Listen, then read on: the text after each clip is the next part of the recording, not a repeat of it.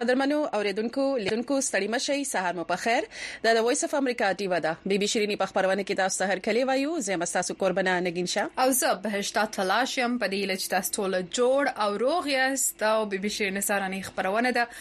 په سیمه کې د پاکستان د سهار په شپږ بجې باندې د افغانستان د سهار پر پنځه نیمې او د واشنګټن ډي سي بیا د ماخوستن په اته بجو باندې تاسو ته دا خبرونه د دوه ساعت لپاره په ژوندۍ بڼه باندې وړاندې کیږي د خبرونې په اوله برخه کې تاسو ته د سیمې او د نړۍ تازه خبرونه وړاندې کوو په دوامه برخه کې بیا د خبرونې یو ځانګړی موضوع راوړو نو نن هم په دغه ترتیب به خبرونه مخ ته بیایو تاسو هم په دې خبرونه کې ګډون کولای شئ ولې چې دا خبرونه په ژوندۍ وړاندې رواني نو په سوشل میډیا باندې هم ټولنیز رسنۍ لکه یوټیوب سو او فیسبوک سو دا خبرونه تاسو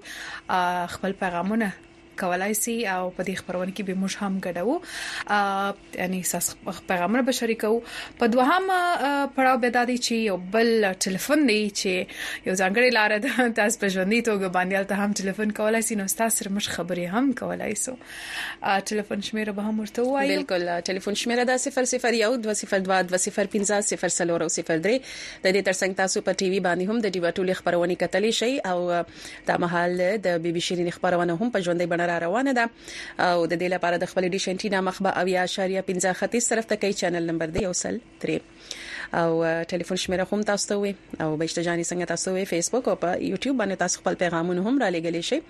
او رومبه سات کې تاسو سره خبرونه شریکو ور سره ویډیو راپورونه هم تړلې چې کوم ور سره دی هغه شریکو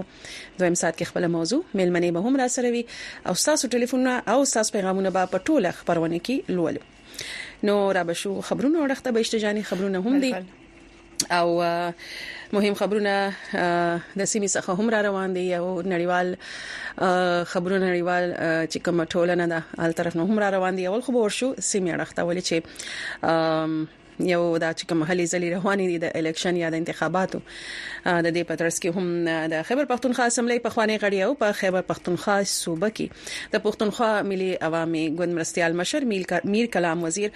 او د پښتون ژغورنې غورزنګ یو شمیر فعالان د بنو پولیسو نیولې دي او زندان ته یې لیږلي دي د شمالي وزیرستان لپاره د پښتون ژغورنې غورځنګ کوارډینیټر ډاکټر حیات وزیر وایس اف امریکا ټیو ته ویلي چې میر کلام وزیر او د پی ټی ایم نور لس فعالان د خالی په ورځ هغه مهال پولیس نیولي کله چې دوی د پی ټی ایم د دوو بندي غړي عید رحمان او زکیم مداخل د زندان نه د خوشی کېدو په مهال ته هغوی د هرکلی لپاره د زندان مخې ته ورغلي وو او هغه وایي چې ټول نیول شوی فعالان په فعالان چې دین او هغه به په بنو کې د ماجستریت عدالت ته وړاندې کړل شوی وو او خو د اتوار د رخصتۍ له امله یې ضمانت ونه شو او زندان ته ولېګل شو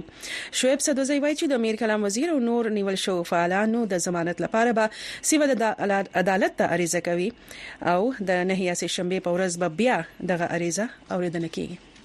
او همدارنګه بلور ته وګورو چې په افغانستان د واکمن طالبان حکومت وایي چې تیر ماښام د روسیې اړوند یو آر ای 0911 الوتکه چې له هند څخه یې و ازبکستان ته پرواز درلود د افغانستان او تاجکستان پولې ته څیرمه له رادار څخه وتلې ده د طالبانو د حکومت ویاند ذبی الله مجاهد په خپل بیان کې ویلي چې د افغانستان د هوایي ځواک اړوند ژغورنې ټیمونه سیمه کې په پلټنو بوخت دي او د پلټنو سر ته رسیدو سره به د دې پیښې په اړوند نور معلومات خبره کړي د طالبانو د حکومت د ترانسپورت او ملکی هوایي چلند وزارت په ټولنیز رسنۍ ایکس د یک شنبه په ورځ خبره کړې خپل یو بیان کې ویلي دي چې یوه فالکون لس ډوله شخصي جیټ الوتکه د شپږ تنو سپرلیو سره چې د هند څخه د ازبکستان پایتخت تاشکند ته په لاره وه د تخنیکي ستونزو له امله د ریډار را غورځېدلې ده او د دې امکان شته چې دا الوتکه د بدخشان ولایت د کران او منجان او زیباک ولسوالیو په سیمو کې ورکه شوې او غورځېدلې وي دغه وزارت ویلي د یادې الوتکې پرواز د افغانستان په فضا کې نو پلان شوی او داسې امکان شته چې دا د خپلې لارې څخه د تخنیکي ستونزو له کبله اوښتې ده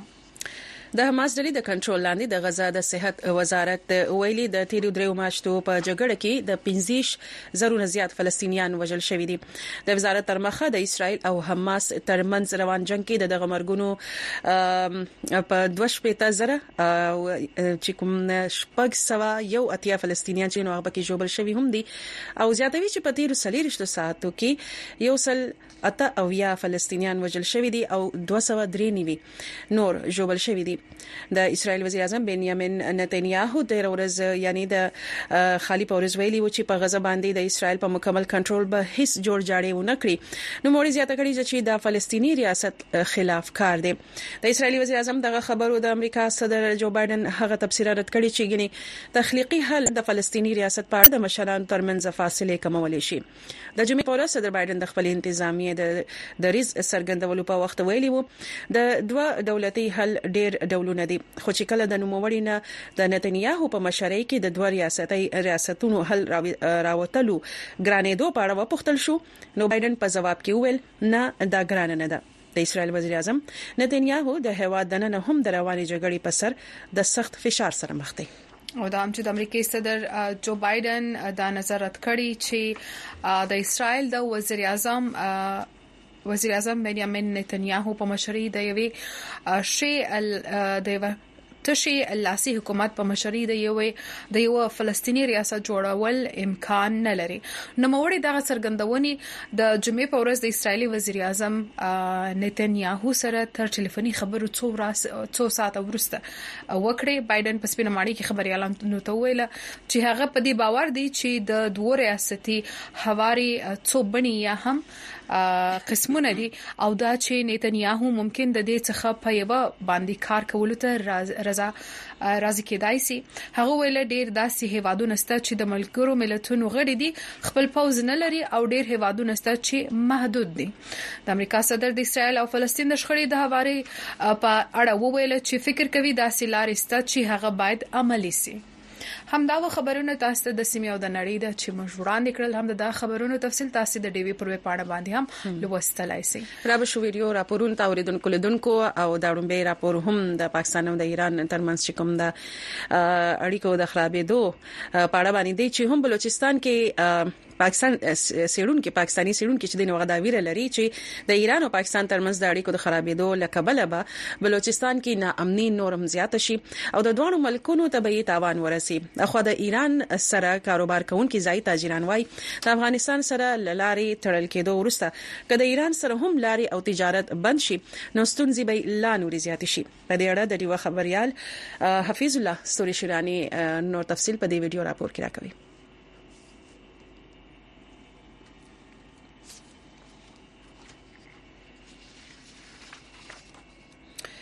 څه تخنیکی ستونزه لرسه مخ تر روانه ده هم دا راپور به تاسو ته وړاندې کوو په یو څو شیبو کې تاسو پیغامونه هم را روان دي پیغامونه به مو هم شریکو چې رزیمه دی وسره وسی ولار بس د راپور او تفصیل ته په تاریخ کې په لومبي ځل د ایران او پاکستان ترمیان حالات دومره خراب سو چې د یو او بل پر خاور باندې دواړو ملکونو په ډرون او میزایلو بریدونه وکړل او ځاني مالی زیان پکې واوښت سیړونکو په دې نظر دی چې ایران او پاکستان دواړه په تادی کې دا کار کړی او کبیا داسې وکړي نو د دې پایلې به تر توقع هم زیاته خرابې وي پاکستان او انټي ایران طاقتونه دی دغه دغه ګټي ترګردو زیات چی دی دا ټایم دلته انسرجسی که روان دی دا کم سه کم دو سو فیصد زیاتیږی ډبل هم نه دو سو فیصد زیادیتی. پر شپاړسمه جنورۍ دوه زره څلرویشت د ایران له لوري د پاکستان د بلوچستان صوبې په پنجګور سبسکو سیمه کې په ایراني میزایلو او ډرون جهازونو بریدونه کېږي او په هغه کې د جیش العدل نومي ډلې د مرکزونو په نخشه کولو ایرانۍ دعوې کیږي. پاکستاني چارواکو د ایران دعوې رد کړې او وايي، په دې برید کې بې ګناه دوې ماشومانې وژل شوې او یوه زنانه، دوه ماشومان په کې ټپي شوي دي. پاکستان شپږ دېرش ساعته پس پر اتلسمه جنورۍ د دې برید په ځواب کې د ایران پر خاوره سیستان بلوچستان کې په ډرون جهازونو، میزایلو او نورو وسلو برید وکړ او دعوه کوي چې د بلوڅ وسله والو ډلو بي ایل اې او بي ایل ایف پټنځایونه یې په نخشه کړي. ایران وايي په دې برید کې د ماشومانو په ګډون نهه تنه وژل شوي او دا غیر ملکي وګړي دي د بلوچستان پوهنتون د نړیوالو اړیکو استاد ډاکټر دوست محمد بړیڅ وايي په لومبي ځل داسې وسوه ولې چې تر دې وړاندې ایران تل د بلوچ وسلوالو په ځپلو کې د پاکستان مرسته کړې او موخه یې داوه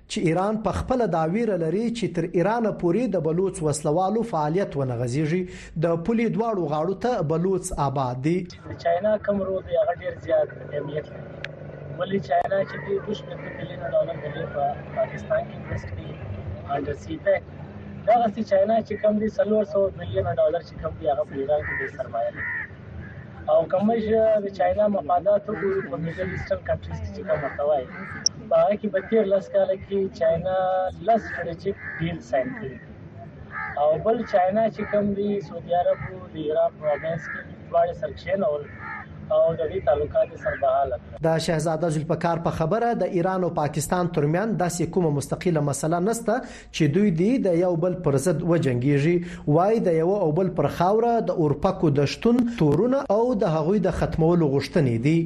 لکه افغان اورپاکستان کې چې دئ مابین کې یو ډورینډ لاین باډر تسلیموي، بل وایي زه ډورینډ لاین نه منم. په تاریخ کې زما د پښتنو او د افغان حصے پاتې شوی دی نن په پاکستان کې دی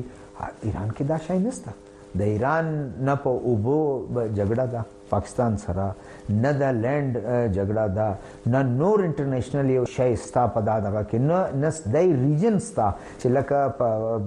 د انډیا او پاکستان په مابین په کشمیر باندې دغه سته. له ایران سره تجارت کوونکي د بلوچستان تجاران وايي، د صوبې د زیاترو خلکو کار پر سرحدي کاروبار دی. وايي، له افغانستان سره له اوله لارې تړلې شوې دي، تجارت بند دی او که له ایران سره هم بند شي، نو خلک به د ماښام په ډوډۍ ګټلو حیران وي. نو یقیناً که دا حالات مزید پرمخ ځي، نو د بلوچستان خاص طور باندې کوم چې زموږ دا چاغي سایډ دی یا تفتان ګوادر او تر دا ګرده بیلټ باندې چې کوم د خلکو د روز مره د زندګۍ اثه رات چې دی د زوند د تیرولو هغه نفقه چې دی پیدا کوي هغه پر دا بارډر باندې منصره ده او بیا چې بل خواته موږ راسو کوم غټ ټریډ ته راسو چې کوم خلک دلته ټریډ کوي هغه ټریډر چې دی هغه ډیر سخت پریشان دي د تیر دوه درو میاشتو د بلوچستان چې کوم بزنسز دي دا موږ تقریبا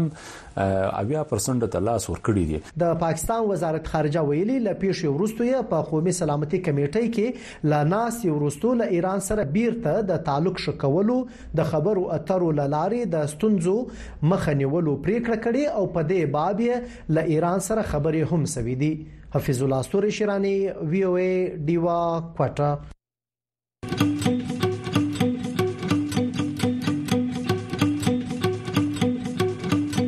وی او ډیوا په سټلایټ ټي وي هر ورځ سلویریش ساته په ډیشنټینا تاسو په یو ټل سټلایټ په ټي وي تازه تولا او به طرفه خبرونه بحثونه او سیړنی کتلې او اوریدلې شي د یوټل سټلایټ فریکوئنسي یا سبې او یا بي او یا اشاریه 15 ایست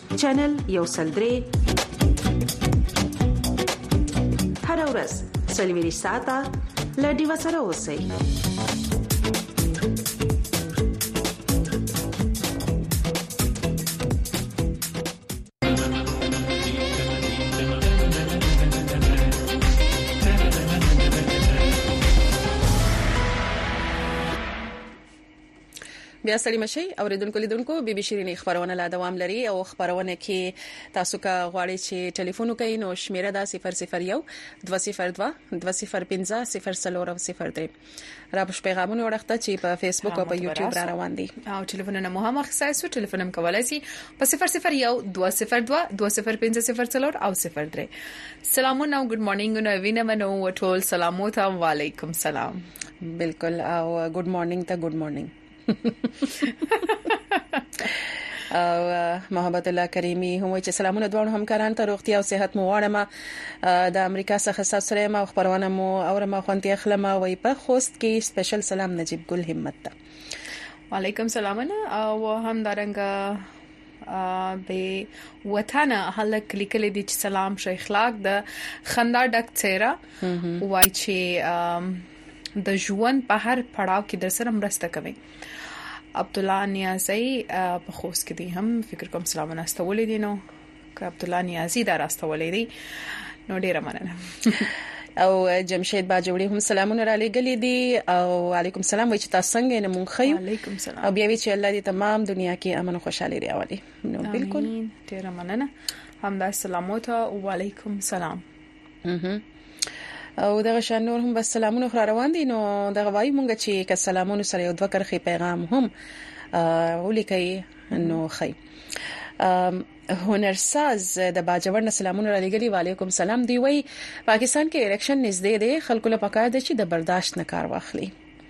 نو بالکل هر یو چې کوم د ګوند حمایتيان وي او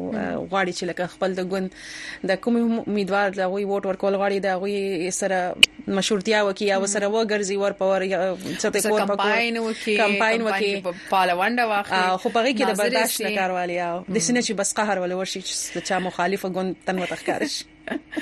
یا یو سالمه څورته وای رقابت شخوان کی یوټیوب کې به هم کتنو کو حبیب سید جوړ لیکي چې ش څه ملي کلی دی اول خدا سرچینه د کم ځای څخه اخلي دا به وایم بالکل نو نو دې ته به وسوایو سوای مننه تاسو بیا هم شاید خان ډیر مننه تاسو څخه هم ضرور نسته چې تاسو پیغام راوسی خو بیا هم ډیر مننه نجیب افریدی هم وایي سلامونه وایي چې I am from تیرا میدان ویری بیوټیفل بول اف یو ثانک یو ثانک یو مننه مننه او دا شان رحمان غنی هم سلامونه را لګلې دي او چې خوشاله اوسئ خه خبر کوم چې د هرې پارټي سره یو دا پوسټري مه راشلئ ښه ده دا چې دی نو یې خپل ورځ پوه وکړئ او ښه خبره نه ده مهرباني لکه د بل لکه پوسټي چې نه ایست کول او خپل بیا لګول دا چې شانم د سراپورونو هم ډیر راځي د انتخاباتو په وخت کې نو هر پوسټر ته احترام وکي خپل دغه دی وسنګ ته لګوي بل ځای لګوي خود نور چا پوسټر نه مرا مرا راش کوي نو بس مر بس وایو بالکل برداشت خبره کنه دا برداشت نه کار واخلي څخه کار واخلي نو چې تر څو ساس نور پیغامونه راځي او سلامونه تو علیکم سلام ډیر زیات مننه وعلیکم سلام او هر سلام ته نور پیغامونه بلول ور بشو بل ویډیو راپور ته اوریدونکو له دونکو راپورونه لرونو غواړو چې هغه هم تاسو وګورئ دا انتخاباتو خبره ده نو بشته جاني پاکستان کې څنګه چوي دا برداشت نه کار اخلي او دا ټول هر سن پدې کې لکه په لوی کچ نه واخله تر وړو کې کچ پوري لکه هر ځای کې د برداشت ډیر زیات ضرورت دی هغه رقم نه نګی جاني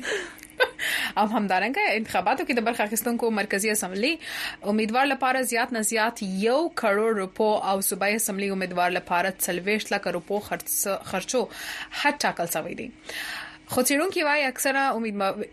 امیدواران چې دی هغه د ټاکل شوی حد نه څو چنده زیات خرچې کوي هم په دې حق لوي نور تفصیل تاسو ته په دې راپور کې وړاندې کوو د پاکستان د انتخابي کمیشن د 2019 قواعدو تر مخې انتخاباتو کې د امیدوار په هیڅ برخه اخستونکو ته د خرچو کولو حد ټاکل شوی دی یو کروڑ روپۍ پورې خرچ کول شي د قومي سملای امیدوار او دغه رنګي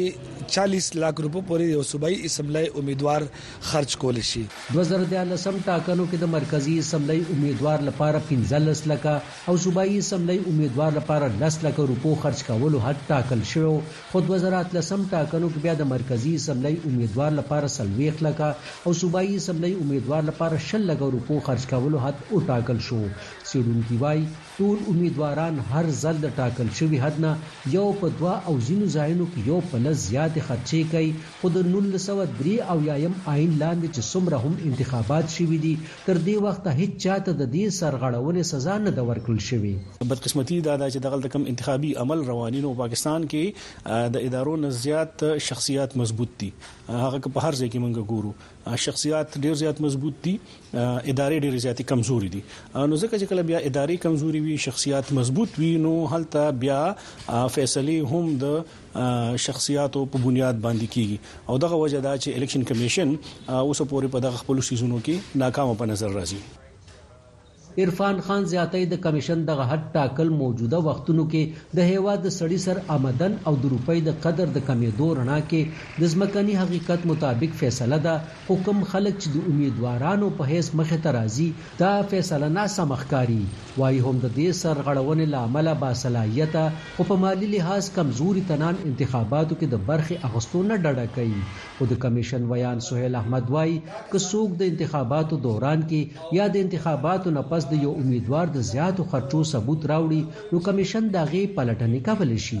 بطور ووټر هم تللی شي چې بلکل بطور ووټر، بطور امیدوار هم، کمپلینټ خو تاسو ته پته ده چې لکه کوم د الیکشن ټریبیونل بیا جوړ شي هغې ته هم تللی شي، زه څه. کچري هغه کنټیسټینګ کینډیډیټ او یا دغه شان الیکشن کمیشن اف پاکستان هم په دې باندې هغه لکالتت لشي او دا میټر الیکشن کمیشن اف پاکستان مخ ته کې خوده شي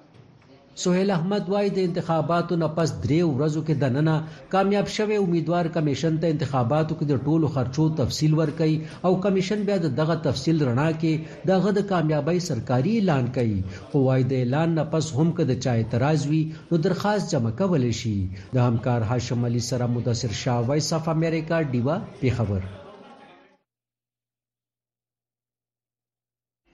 بیا سلیم شي اوریدونکو لیدونکو بي بي شيرين خبرونه لا دوام لري او خبرونه کې کتا سو غواړي ټلیفون کوي نو شمیره دا 001 202 205 او تاسو پیغامونه هم اخلو په فیسبوک او په یوټیوب باندې نو الته هم تاسو را لیکل شئ او سلامونه ته وعلیکم سلام ډیره زیاته مننه چې تاسو سلامونه هم را لګی او شیرزاده وای چې سلامونه خورجانو د پاکستان د طرفه ډیر سلامونه نو علیکم سلام وای چې زموږ طرفه بر دیر ګلانو ته اطلاع ده چې الیکشن ته ځان ورسوي د غمات انرژي دي ځان ورسوي دا را شي زادولي د بر دې خلک خبر نه دی الیکشن دا څنګه خبره ده ټول دنیا کې ټول مطلب پاکستان کې خبر روانه ده د بر دې خلک هم خبر دي نو زده چې د دیر نه برات عالم زید بیا وایي چې خلک خبر دي کنه او شاوردین خان وای چې مونږ ته د کرن خان غانه ولګوي دغه پسترګو به ولګول نه کوشش وکاو چې تکه ونه بیا به سره ولګو به درته او نورم سلامونه را روان دي بیا وای چې سلامونه تاسو په پاکستان کې کومه پارټي خوخه ده خپل رائے شریک کړئ نو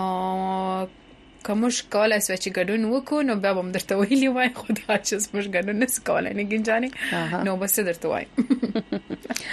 جمیل کاکړ هم سلام علیکم نو علیکم سلام نیکی هله ترامات می قبول کړي وا ټول ټیم ته سلامونه او علیکم سلام نو اهم پیغام په ناوړه کې د جنگلات کټای شروع ده او جنگلات افسران غور نه کوي او دیوا رپورت درش کی مګر دروغ نه دي جنگلات کټای شروع ده نقصان دی جمیل کاکړ وای هنا وړک څخه میسج درته کوم نو مننه کاکړ صاحب په دې باندې به موږ هم خپل وای چې تحقیق وکړو او څه چې رښتیا دی تاسو ته به بیا وړاندې کو ډیر مننه ډیر مننه او یو ځل بیا تاسو یې ک ټلیفون کول غواړئ نو شمیره دا 001 202 205 0 او 03 نو دا د ټلیفون شمیره ده او د غشان ټول سلامونه ته وعلیکم سلام یوټیوب کې مې کدن کول یو پیغام را لې بیرته ډیلیټ سونو یوټیوب کتونکو دا تاسو چیرې است پیغام راواسته بیرته پاک څه کی سره وانه ده نجیب الله فریدی وچته د تیرا چکر ولګوي حتما حتما خیر سره بالکل تاسو دعوت راکئ نو د اوسېدو ځای خرچې مرچې خوراکونه سیل صفا ناتیرا ډېر خلې زیاده او په خاص توګه بیا په په سرلی کې یخ موسم کې ډېر زیات خوند کوي هر یو موسم کې خو په سواد ته سپه بترات سواد خو سواد دی نو ټول پښتونخوا ډیر زیاته کولی شایسته ده بالکل ټول ځای کې چکر وو بالکل به هم سلام علیکم سلام هجر ډاکټر هم وای سلامونه او د افغانستان نه نو هجر ډاکټر صاحب ډیره مننه او مجيب نجيب الله افریدي وایي چې خدای مو هر کله راوله ترجمه مې کړل د دې پیغام ترجمه کوي وای موست ویلکم ډیر مننه نو نو ساته ټول علم یو طرف ته شاور الدین خان یو طرف ته چې دا یو خبر کوم ته غانه کله لگاو شاور الدین خان صاحب غانه به لګو لیکن دغه د پاره به تاسو د خبره د ټول خبرونه تر اخره پرې ګوري ول چې ډیر مطالب لرو په دې خبرونه کې سندره به هم تاسو ته حتمن پېښو خو دغه سمخ کې راپورونه هم لرو ساس ټلیفونونه به هم خو غواړو اوالو خو په سیمه کې سره روان دي سهار تاسو هم خپل د سیمې اوال را سره شریکولای شي او بیا ځانګړي یو موضوع هم راوړی د پرغه به هم تاسو اول خپل نظر شریکوي دغه بعد به بیا تاسو ته غانا هم لکو او د دې خبرونه اخري پوری بس اوس څنګه چې به اشتجانې وي نو تاسو ته به او درځي ور سره زموږ یو ثابت په دې اړه باندې خبرونه ده سندره او خبره چې هغه خدیر شمنټه پوری خخکلې خوندوري خوندوري سندري پکې نو وربشه بلوچستان راخته بلوچستان راخته ولر چې کاکر صاحب زنګ راته وهالي د ټلیفون لارې ملسوي دي د مسلم باغ څخه بسم الله کاکر کاکر صاحب ختم راوله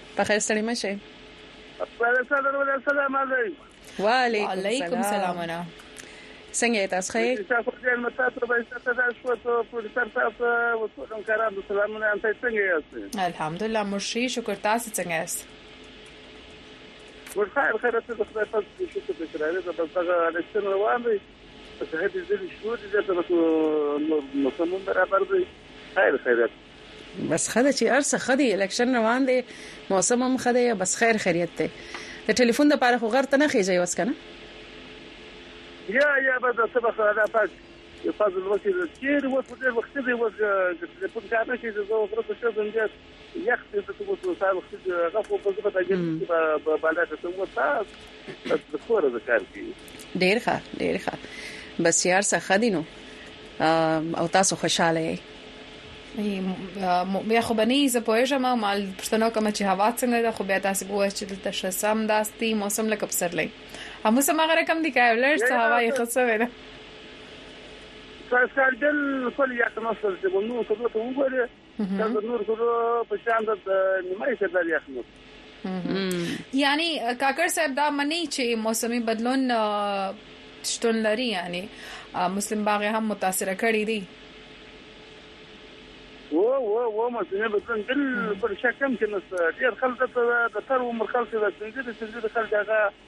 په دې ساریانو تیاره زمي وګوره دونه ګرمي وګوره بالکل موسم ډیر بدل شوی دی ډیر بدل شوی بس واقعي د موسمونو چې کم یو خپل وختونو کې براتل پاره کې هم بدلون لیدل کېږي او دا په دې باندې هم چې کوم دا ماحولیات په هاندي او یندخمن ډیر زیاته مننه تاسو بسم الله کاکړ صاحب دا دا سره شو دی یو جهان مننه مننه او دغه شان پیغامونه را روان دي ډیر مننه تاسو پیغامونو نجیب امیر وای دا وخت واشنگټن ډي سي کې د واورو سهال دی نو واورې خلا پرتی دي خلا پرتی دي او سره اسمه کلکه پرتی دي ولې چې دا یخ په ډیر زیات راغی کنه وای چې واورې چې دیو سه د یخ شکل اخیستې دي سم یخ نه ده سم نه مو چې یخ دی په منځ کې نو دلته یخ سم نه یخ دی او دا د شي د نهیا سه شنبه نه چې کوم بارانونه شروع شي هغه به تر یو اونۍ پورې به وي بیا د بل نهیا سه شنبه د ورځې پورې نو به دا وره بیا د ځان سره ویسي ویل وی کې ځان سره به وبې شي نه مې د خو خداسي لګي جانې چې بل واوره کله کیږي کیږي فروری کې به وشي د خیر سره او دغه شان ټول سلامونه ته وعليكم السلام مننه چې تاسو سلامونه را لګی او وربشي بل ویډیو راپور ته چې کوم پیغامونه راغلي دي هغه به هم شریکو خو ویډیو راپورونه لرونو غواړم چې هغه هم در سره شریکو دا بل راپور هم د دیو خبريالي رابیا پیر را لګلې دي چې د پاکستان الیکشن کمیشن د قامي او صوبایي اسمبلی راتلونکو عام انتخاباتو لپاره ورکسانو ته د پوسټل بیلټ پیپرونو ورکولو عمل پیل کړی دی په داسې حال کې چې په هېواد کې د ټاکنو د نه کېدو یری اوس هم شتون لري نور تفصیل هم په دغه ویډیو راپور کې به وګورو د پاکستان د سرکاري خبري آژانس ای پی پی تر مخه الیکشن کمیشن د پوسټل بیلټ پیپرو لپاره د درخواستونو د جمع کولو نیټه د جنوري 22مه ټاکلې ده رپورټ وايي د پوسټل رایې لپاره درخواستونه به د الکټورل اتارټي د ویب پاڼې څخه ډاونلوډ کولو وروسته رایه ورکوونکي باید په ټاکلي وخت کې د اړوند سیلې ریټرننګ افیسر ډي آر او ته خپلې رایې واستوي د الیکشن کمیشن د اعلان تر مخه په هیواد کې د راتلونکې فروری د میاشتې په اتمه نیټه ټاکنې کېدونکې دي خو د دغه ټاکنو په وخت کېدو په اړه اوس هم ویری شتون لري د پیپلز ګوند یو پخوانی سېنېټر په دې باور لري چې پر انتخاباتو اوس هم ورېځي ګرځي ماته د شي ښکاری د شي راته د وخت کاری چې مختلف قوتونه مصروف دي په دې کې چې دا انتخابات دیونش لیکن چونکی بل طرف سپریم کورټ ویل دي چې دا د کانی کرخه ده دا د کانی کرخه ده زما امید ده چې ان شاء الله انتخابات به وشي خو شک خو پیدا کیږي د پاکستان د سېنات له اړخه په هیواد کې د ترهګرۍ زیاتېدونکو پیښو او د زیاتې یخنۍ له امله د قراردادونو د لارې دوه ځله د ټاکنو د ځنډولو غوښتنې سوي خو الیکشن کمیشن ویلي د قراردادونو په اساس راتلونکې ټاکنې نسی ځنډولای د پاکستان د اطلاعاتو وزیر مرتضی سولنګي هم په دې ورستیو کې د وی او ای ډیوه سره خبرو کې ټاکنو کې د ځنډ اندیشنې رد ثبت کړي او ویلي وو، حالات که څه هم وي، ټاکنې به د راتلونکې فروري په اتمه نېټه ترسره کړای شي. د مسلم لیګ نواز مشر او پخواني وزیراعظم شهباز شریف ویلي، چیلنجونه شتون لري،